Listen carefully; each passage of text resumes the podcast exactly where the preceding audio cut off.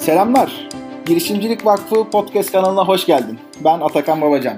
Biliyorsun G-Base Dijital serimize devam ediyoruz ve bu haftada yine çok değerli paylaşımlarda bulunacak olan ve çok keyifli bir sohbet olacağına inandığım Beyza bizimle. Evet Beyza hoş geldin. Hoş bulduk Atakan. Çok teşekkür ederim davetiniz için. Ben de keyifli olacağına eminim sohbetin. Ne demek ben teşekkür ederim. Çok yoğun bir tempon vardı. Hatta geçirdiğin ufak bir rahatsızlık vardı. Ona rağmen bize vakit ayırmış olman bizi çok mutlu etti. Beyza'nın çok güzel bir hikayesi var. Dolayısıyla ben başta sözü çok fazla uzatmadan direkt topu Beyza'ya vermek istiyorum.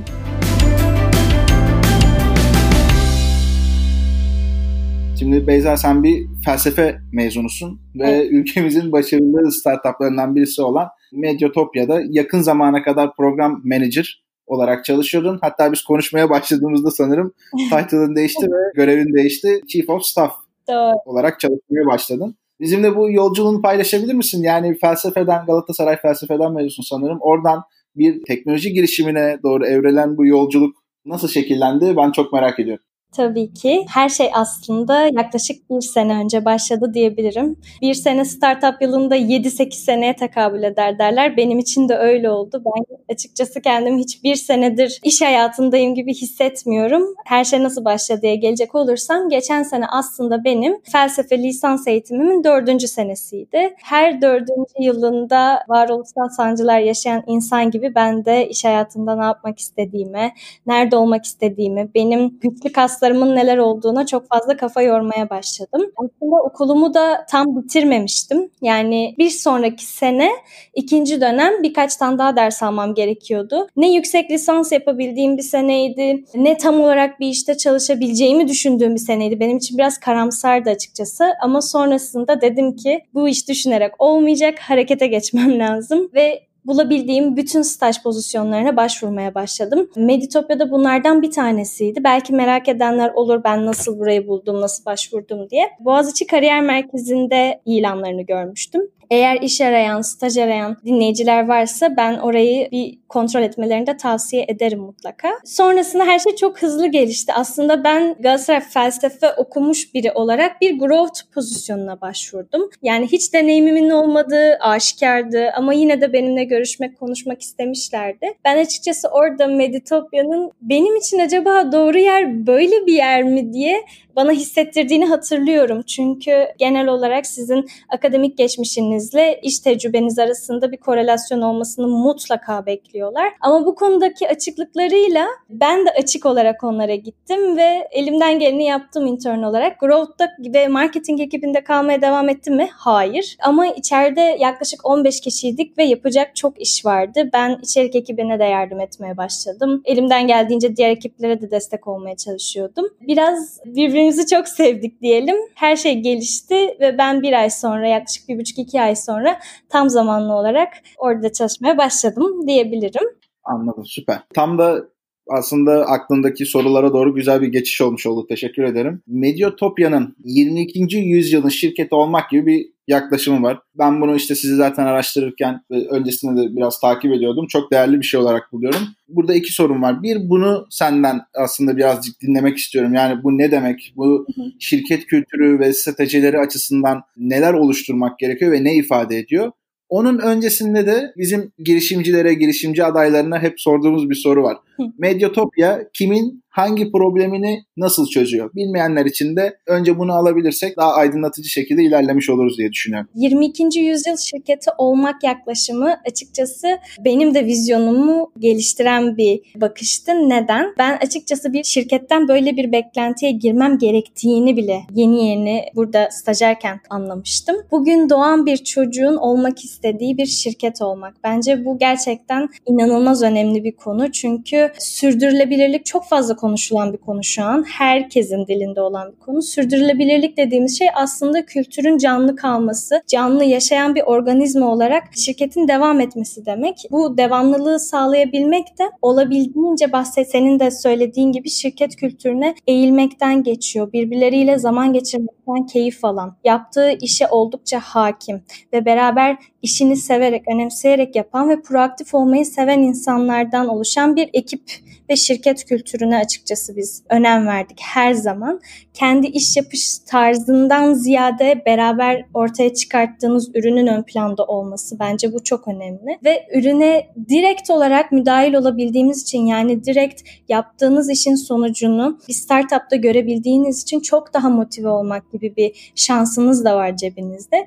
Tüm bunlar beraber bizim olabildiğince ekibe katkıda bulunacak, e, geri geldiğinde eleştirecek, takımın her departmanına hakim kişileri takıma katmak gibi bir fikre sahip olmamıza yol açtı. Bunu şöyle de söyleyebilirim. Çoğu şirkette departmanlarda birbirini tanımak yani şimdi böyle çok iyi ve kötü diye asla ayırmak istemiyorum. Her organizasyonun yapısı ve birbirleri arasındaki iletişim yönü çok farklı. Ama pek çok yaşam biçimini regüle eden bir uygulama geliştiriyoruz biz şu anda. Dünyadaki pek çok farklı insanın problemine çözüm olmaya çalışıyoruz. Buna stres, anksiyete, uykusuzluk gibi pek çok farklı konu dahil kendi üzerine düşünme isteği olan bir uygulamayız biz. Yani bunu isteyen insanların birleştiği bir uygulamayız. Neden bunu her departmanda, her uzvunda uygulamayalım? Bence önemli olan kısım bu. Bu şirket yapılanması da olabilir, iş yapış tarzınız da olabilir, şirkete kattığınız insanlar da olabilir. Her zaman mindful bir şekilde süreci yürütmeye çalıştığımızı söyleyebilirim. Yani sadece kendi kullanıcılarına değil, şirket içinde de bu yaklaşımı benimsemiş bir yapı var olarak anlıyorum düşünüyorum. Kesinlikle. Biz üyelerimizin mental sağlıklarını önemsediğimizi ve onlara yardım ettiğimizi her gün söylüyoruz ve her gün buna çabalıyoruz. Neden kendi içimizdeki insanların çalışmalarına aynı özenle yaklaşmayalım? Her zaman bu bakış açısındayız açıkçası. Harika. Biz hepimiz aslında dünyanın farklı yerinde uykusuzluktan, stresten, finansal kaygılardan, anksiyeteden muzdarip insanlarız. Hepimizin kendi içinde mutlaka çözmesi gereken bir problemi var. Meditopya'nın vaat ettiği şey ise buna günlük hayatta cebinizden ulaşabileceğiniz kısa meditasyon programlarıyla beraber olabildiğince çözüm getirmek. Bu uykusuzluk için uyku hikayelerini dinlemek olabilir. Şu an uygulamamızda uyku hikayelerinden bloklara, sesli bloklara ve tabii ki demir asıl kısmımız olan meditasyonlara kadar pek çok farklı içerik var. Hem okuyabildiğiniz hem dinleyebildiğiniz içerikler bunlar. Her konuda açıkçası içerik bulmanız mümkün. Bu konuda kendimize çok güvendiğimizi söyleyebilirim ayrılık, ilişkiler, kendini sevmek, sınırlarınız, kişisel sınırlarınız öz şefkat bunların hepsi e, pek çok yaşam biçimini regüle eden konular aslında. Yani kendi üzerine düşünmek isteyen herkesin yolu mutlaka Meditopya'dan geçer diye düşünüyorum. Yaklaşık 15 dakikadan fazla olmamak kaydıyla günlük olarak takip edebildiğiniz programlara ulaştığınız bir uygulama aslında günün sonunda kısaca bahsetmem gerekirse. Bunu biz uygulamadan çok bir mental koçluğa evirmek istiyoruz. Şu anda yolunda olduğumuz konu da bu. Kısa vade, uzun vade ve orta vadede kişinin ihtiyaçlarına hizmet eden, kızgın olduğunda hemen uygulamayı açıp 1-2 dakika meditasyon yapabileceği ve nefesine odaklanabileceği, uzun vadede terapi programlarına erişebileceği gibi gibi gibi hizmetlerin var olduğu bir platform aslında bizim şu anda yaptığımız şey. Bence iki soru içinde çok güzel bir açıklama oldu. Teşekkür ediyorum. Rica ederim. Benim burada merak ettiğim ve dikkatimi çok çeken bir nokta var. Şimdi pandemi dönemine girdiğimizden beri pek çok şirket neredeyse yani nefesi kesilme noktasına geldi hı hı. ve çok azı gerçekten bu süreci güzel bir şekilde değerlendirebildi. İşte bazı girişimler, resilience konusuna hakim olanlar, bu çevikliği gösterebilenler, işte esnek olanlar büyük ölçekte, küçük ölçekte bir şekilde süreci ayak uydurdu ama özellikle bazı firmalar bu dönemde çok çok daha hızlı koşmaya başladı. Siz de onlardan birisisiniz. Hatta yani biz remote çalışmanın iyi kötü çirkin yanları diye bir podcast serisi yapmıştık. Orada pek çok yatırımcıyı da ağırlamıştık. Yani Ali Karabeyler, Arın abiler falan hepsi vardı. Bu yatırım süreçleri nasıl olacak diye konuştuğumuz zaman ya daha çok muhtemelen bir devam yatırımları olacak. Yeni girişimlere de yatırım yapabiliriz ama ya hakikaten bize bir iş modelini çok güzel şekilde ispatlaması lazım falan diyorlardı. Siz bu süreçte 60 milyon dolar değerleme üstünden bir 15 milyon dolarlık yatırım aldınız. Sence bunun sebebi ne? Yani bu süreçte hızlı koşmanızı sağlayan şey neydi ve bu yatırım sürecini de bizimle biraz paylaşabilirsen çok sevinirim. Tabii ki. Öncelikle pandemi dönemi bizim için de çok pembe, panjurlu ev, pembe gözlüklerle dünyaya baktığımız böyle çok optimistik bir şekilde geçmedi. Bunu böyle geçtiğini söyleyen kişilerin de ben e, doğru konuştuğunu düşünmüyorum. Biz sadece bizi öne geçiren şey neydi diye düşündüğümde bunun koşmak için çok iyi bir zaman olduğunu hemen anlamıştık ve hemen harekete geçtik. Yani Bizim ekibin büyük erdemlerinden biri esner ve kırılmaz olması. Bunu çok iyi kullandığımızı düşünüyorum. Adaptasyon süreci yaşayan çoğu firma varken biz içerik üretmeye, yeni içerik fikirleri için toparlanmaya, yeni çalışma şeklimizi oturtmaya devam etmeye başladık. Hemen başladık. Hızlı adapte olmak dediğim gibi en büyük erdemlerimizden biriydi. İnsanların kendi içerisinde çok zorlandığını biliyorum. Yani ekipteki kişiler eminim psikososyal dönüşlerini çok fazla yaşadılar pandemi sürecinin. Ama bunun aynı zamanda dediğim gibi hızlanmak, ivmelenmek için çok iyi bir dönem olduğunu hemen anlamıştık ve tamamen kenetlendik, tamamen hedefe odaklandık. İş modelimize de güveniyorduk. Aslında bu iş modeli bu dönemde bize kendini tekrar kanıtladı diyebilirim. Çünkü herkesin, dünyadaki herkesin çok ortak yaşadığı bir sorunda biz bir cevap olmaya çalışıyorduk ve meditasyon, kendine dönmek ve bazen etkileyemediğin şeylerde kendini akışa bırakmak tüm Tüm bunlar kendini pandemi döneminde gösterdi ve kanıtladı diyebilirim. Bize de tekrar kanıtladı. O nedenle ben açıkçası iş modelimizin çok doğru bir zamanda doğru bir yerde olduğunu hem bize hem daha fazla insana kanıtladığını düşünüyorum. Bu tabii ki de yatırım sürecine de doğrudan etki etti. Senin de bahsettiğin gibi iş modeli nin çok ikna edici olması gerekiyor bu dönemde bir yatırım yapılabilmesi için. Biz de pandemi döneminde aslında yatırım sürecine girdik. Hızlı bir yatırım turuna çıkma kararı aldık ve aslında amacımız nerede olduğumuzu görmekti ve biraz daha ölçeklenmek idi. 15 milyon dolar yatırımla beraber de tamamen artık büyümeye, bir startup gibi değil de gerçek bir şirket gibi davranmaya ve eksik yanlarımızı tamamlamaya, tamir etmeye, geliştirmeye ve ilerletmeye başladık genel olarak zorlu bir süreç. Yatırım süreci için şunu söyleyebilirim. Çelik gibi olmanız gerekiyor. Her zaman hesap verebilir olmaya dikkat etmeniz gerekiyor. Benim de aslında program manager olarak yaptığım konulardan, e, ilgilendiğim konulardan bir tanesi buydu. Her zaman şirketin hesap verebilirliği, döküman, hukuki süreçler bunların hepsinden emin olmamız gerekiyordu ki herhangi bir yatırım turuna çıkma kararını hemen verebilelim ve hemen hazır olabilelim. Döküman toplamaya çok fazla zaman ayırmamız yapmamıza gerek kalmasın. Sonrasında çok dağılmış şeyleri tek bir yerde toparlamak için ekstra mesai harcamayalım. Düzenli ve tertipli bir şekilde dokümantasyonunuzu yaptığınızda her zaman hukuki anlamda ve finansal anlamda güncel olduğunuzda hem hızlı bir yatırım turuna çıkma imkanınız oluyor hem de ekibi de bu anlamda çok hızlı motive edebiliyorsunuz. E, ben açıkçası çok mutluyum ama daha yolumuz uzun yatırım konusunda diyebilirim. Gözümüz daha yukarıda yani. E, kesinlikle zaten bu biten bir yol değil. Yani senin gücün olduğu sürece gidebildiğin ve gittikçe de yeniden inşa olan yeni yeni yolların eklendiği bir şey süreç. Kesinlikle. Bildiğim kadarıyla globalde 11 dilde hizmet veriyorsunuz değil mi? Hı. Yanlışsam düzeltmeyin. Doğru doğru. Yani açıkçası ben de dillerimizde aklımda tutmakta zorlanıyorum. İnanır mısın? Yani çok bazen 10 11 diyorum, 12 dediğim bile oldu. Çünkü planlanan yeni dillerimiz var. Çince gibi, Arapça gibi. Bu dillerle beraber daha önceden launch ettiğimiz ama tekrar içerik üretmeye devam ettiğimiz yani güncellemediğimiz için dili tekrar relaunch ettiğimiz bazı diller de var. 11 dil diyebilirim şimdilik. Senin sorunu sormanı izin vererek. Estağfurullah olur mu? Teşekkür ederim.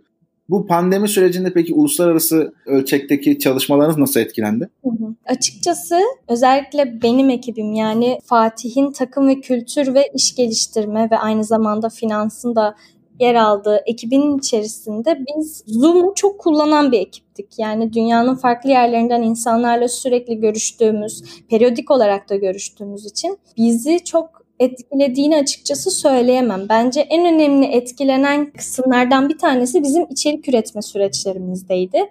Her içerik üreticisi ve meditasyon seslendiricisi lokal partnerimiz için bir teçhizat kurduk ve onları evlerine gönderdik ve bu şekilde evlerinden bize ses kaydı yollayabildiler, çeviri yapabildiler. Herkes kendi evinde rahatça hiçbir iş akışını bozmadan hizmet vermeye devam edebildi. Bence uluslararası ilişkiler anlamında sorunda attığımız en önemli adımlardan bir tanesi buydu. Bunun haricinde herkesin ortak konusu yani çok uzun zamandır dünyada herkesin ortak problemi olan bir şeyle meşgul olduğumuz için ki bu da pandemi ve covid açıkçası daha toleranslı bir ortam olduğunu düşünüyorum. Yani her şeyin daha zorlaştığı değil de önümüzde bir zorluk olduğunda bence insanlar birbirlerine birkaç adım daha fazla atmaya e, daha eğilimli oluyorlar. Biz de bunu gördük. Kendi açımızdan da bu fırsatları değerlendirmekten imtina etmedik. Peki sizin çok güzel bir özelliğiniz de var. Pandemi öncesinde de yılda 20 günlük bir home office hakkını zaten Hı. şirket çalışanlarına verilmişti. Evet. Burada evden çalışmaya geçiş süreciniz nispeten diğer firmalara göre bir tık daha az sancılı olmuştur diye Doğru. düşünüyorum ama bu süreç içinde tüm bu durumlara rağmen ya keşke şöyle olsaydı veya iyi ki böyle oldu dediğin durumlar var mı? Varsa bunları bizimle paylaşabilirsen sevinirim tabii ki biraz home office'in geçmişinden bahsedeyim. Aslında home office bizim her zaman düşündüğümüz ve göz önünde bulundurduğumuz bir haktı. Bunu aslında 20 günlük değil de daha uzun vadeli bir şekilde şirkete yedirmeye biz hazırdık. Ta ki pandemi çıka gelene kadar. Yani biz aslında biraz egzersizini yapmış olduk 20 günlük bu home office hakkıyla. Orada şöyle problemler ortaya çıkıyor. Bu 20 günü herkes için kontrol etmek, kişinin kendi kendi kendine bunu takip etmesine neden olmak bunlar birazcık zor süreçler bence. Hiç bu toplara girmemek gerektiğini düşünüyorum. 20 gün yerine biz şu anda bunu değiştirdik. Eğer ofisimiz açılırsa, her şey normalleşirse, gerçek anlamda normalleşirse bunu haftanın iki günü pazartesi ve cumaya sabitledik. Pazartesi, cuma günleri kişiler ofise gelmek zorunda değil. Ofise kesinlikle gelebilirler. Çünkü ofis bence çok önemli. Ocak gibi diyorum ben. Ocağımız gibi. Kabilenin böyle çok otağımız gibi bir şey aslında ofis ve oradaki o etkileşimi kaybetmemek gerekiyor. Ama bunu insanlar için daha az acılı, işte takvimlere işlenmeden ya da kişinin kendi kendine benim ben kaç gündeydim 15. günümdeyim mi acaba falan diye düşünmesine gerek kalmadan haftalara sabitleme kararı aldık. Bu da değişebilir bu arada. Yani biz 20 günlük home office hakkını da çok bu hep böyle sürer gider diye de koymamıştık. Şu anda da bu home office düzeni için daha başlamayan home office düzeni için aynı şeyin olduğunu söyleyemem. Her zaman değiştirme ve geliştirme ve bu konuda esnek olmaya ve kesinlikle takımı dinlemeye devam etmek istiyoruz. Zaten home office hakkı da bizim tanımamızdan ziyade takımdan dönütlerle kendi kendimize e, bence bunu yapmanın zamanı geldi diye düşündüğümüz bir şeydi. Sonrasında dediğim gibi herkes bunu yapmak zorunda kalınca zaten açıkçası home ofisinde şu anlık bu dönemlik geçici olarak bir önemi kaldığını düşünmüyorum. Keşke ve iyi ki dediğin noktalarsa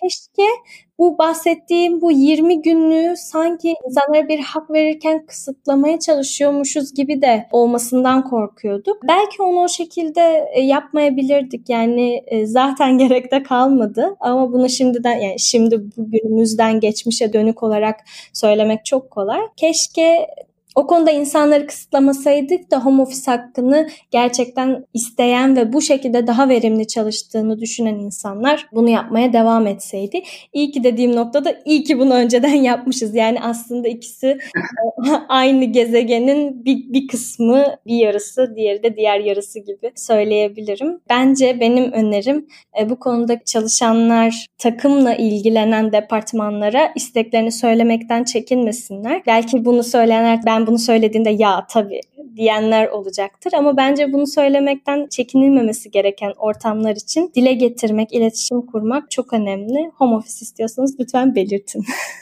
Kesinlikle. Tabii buna yöneticilerin de açık olması. Evet. Bu kişiler oraya hani eve gidip de orada işleri serecekler değil de ya hakikaten burada şirkete daha güzel katma değer sağlayacaklar diye bakabilmesi gerekiyor. Aslında karşılıklı bir güven durumunun oluşması Kesinlikle. gerçekten önemli. Çünkü hakikaten de bunu kötü niyetli kullananlar da olabilir ama ne kadar kullanabilir zaten çok uzun bir şekilde götürebilecek olduğunu hiç düşünmüyorum. Ben aslında başka bir sorum olacaktı ama sen bunu şey içerisinde de cevapladın. Hani üyelerinizin kalp sağlığına çok ciddi bir katkıda bulunuyorsunuz. Bu ekip içine veya paydaşlarınızı sirayet ediyor mu diye bir sorun vardı ama bunu zaten etmiş olduğunu ayrıntılı bir şekilde senden dinledik. Daha sormadan cevapladığın için de teşekkür ederim. Evet. Peki yavaştan da ufak ufak kapanışa doğru geçerken son bir iki sorum kaldı.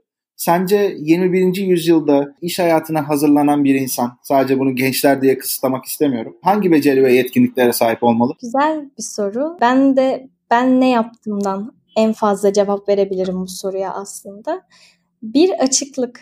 Yani bu aslında bu, tüm konuşmamızın ana teması açıklık üzerineydi bence. Bizim ekip olarak birbirimize açık olmamız, ekip olarak yeni durumlara, dünyada değişen şeylere açık olmamız ve kişinin işine açık olması. Bence bu açıklık gerçekten çok önemli. Bu esneklik ve kırılmazlık diye de tabir ettiğim daha önceki şeyler. Çalışkanlık, çalışmayı sevmek, işini sevmek bunlar çok önemli bence. Hayat gerçekten sevmediğiniz bir işte çalışmak için çok kısa. Ve bence güler yüzlülük. Bence çok atlanan bir konu güler yüzlü olmak. Hep işte nasıl diyeyim proaktif olmaktan bahsediliyor. Kişilerle iletişimini iyi kurmaktan bahsediliyor vesaire ama bence güler yüzlülük iş hayatında çok fazla şeyi biraz geri plana atan çok önemli bir özellik olduğunu düşünüyorum. Benim de hayatımda dikkat ettiğim bir şey güler yüzlülüğün açacağı kapıları tahmin bile edemezsiniz. Kesinlikle.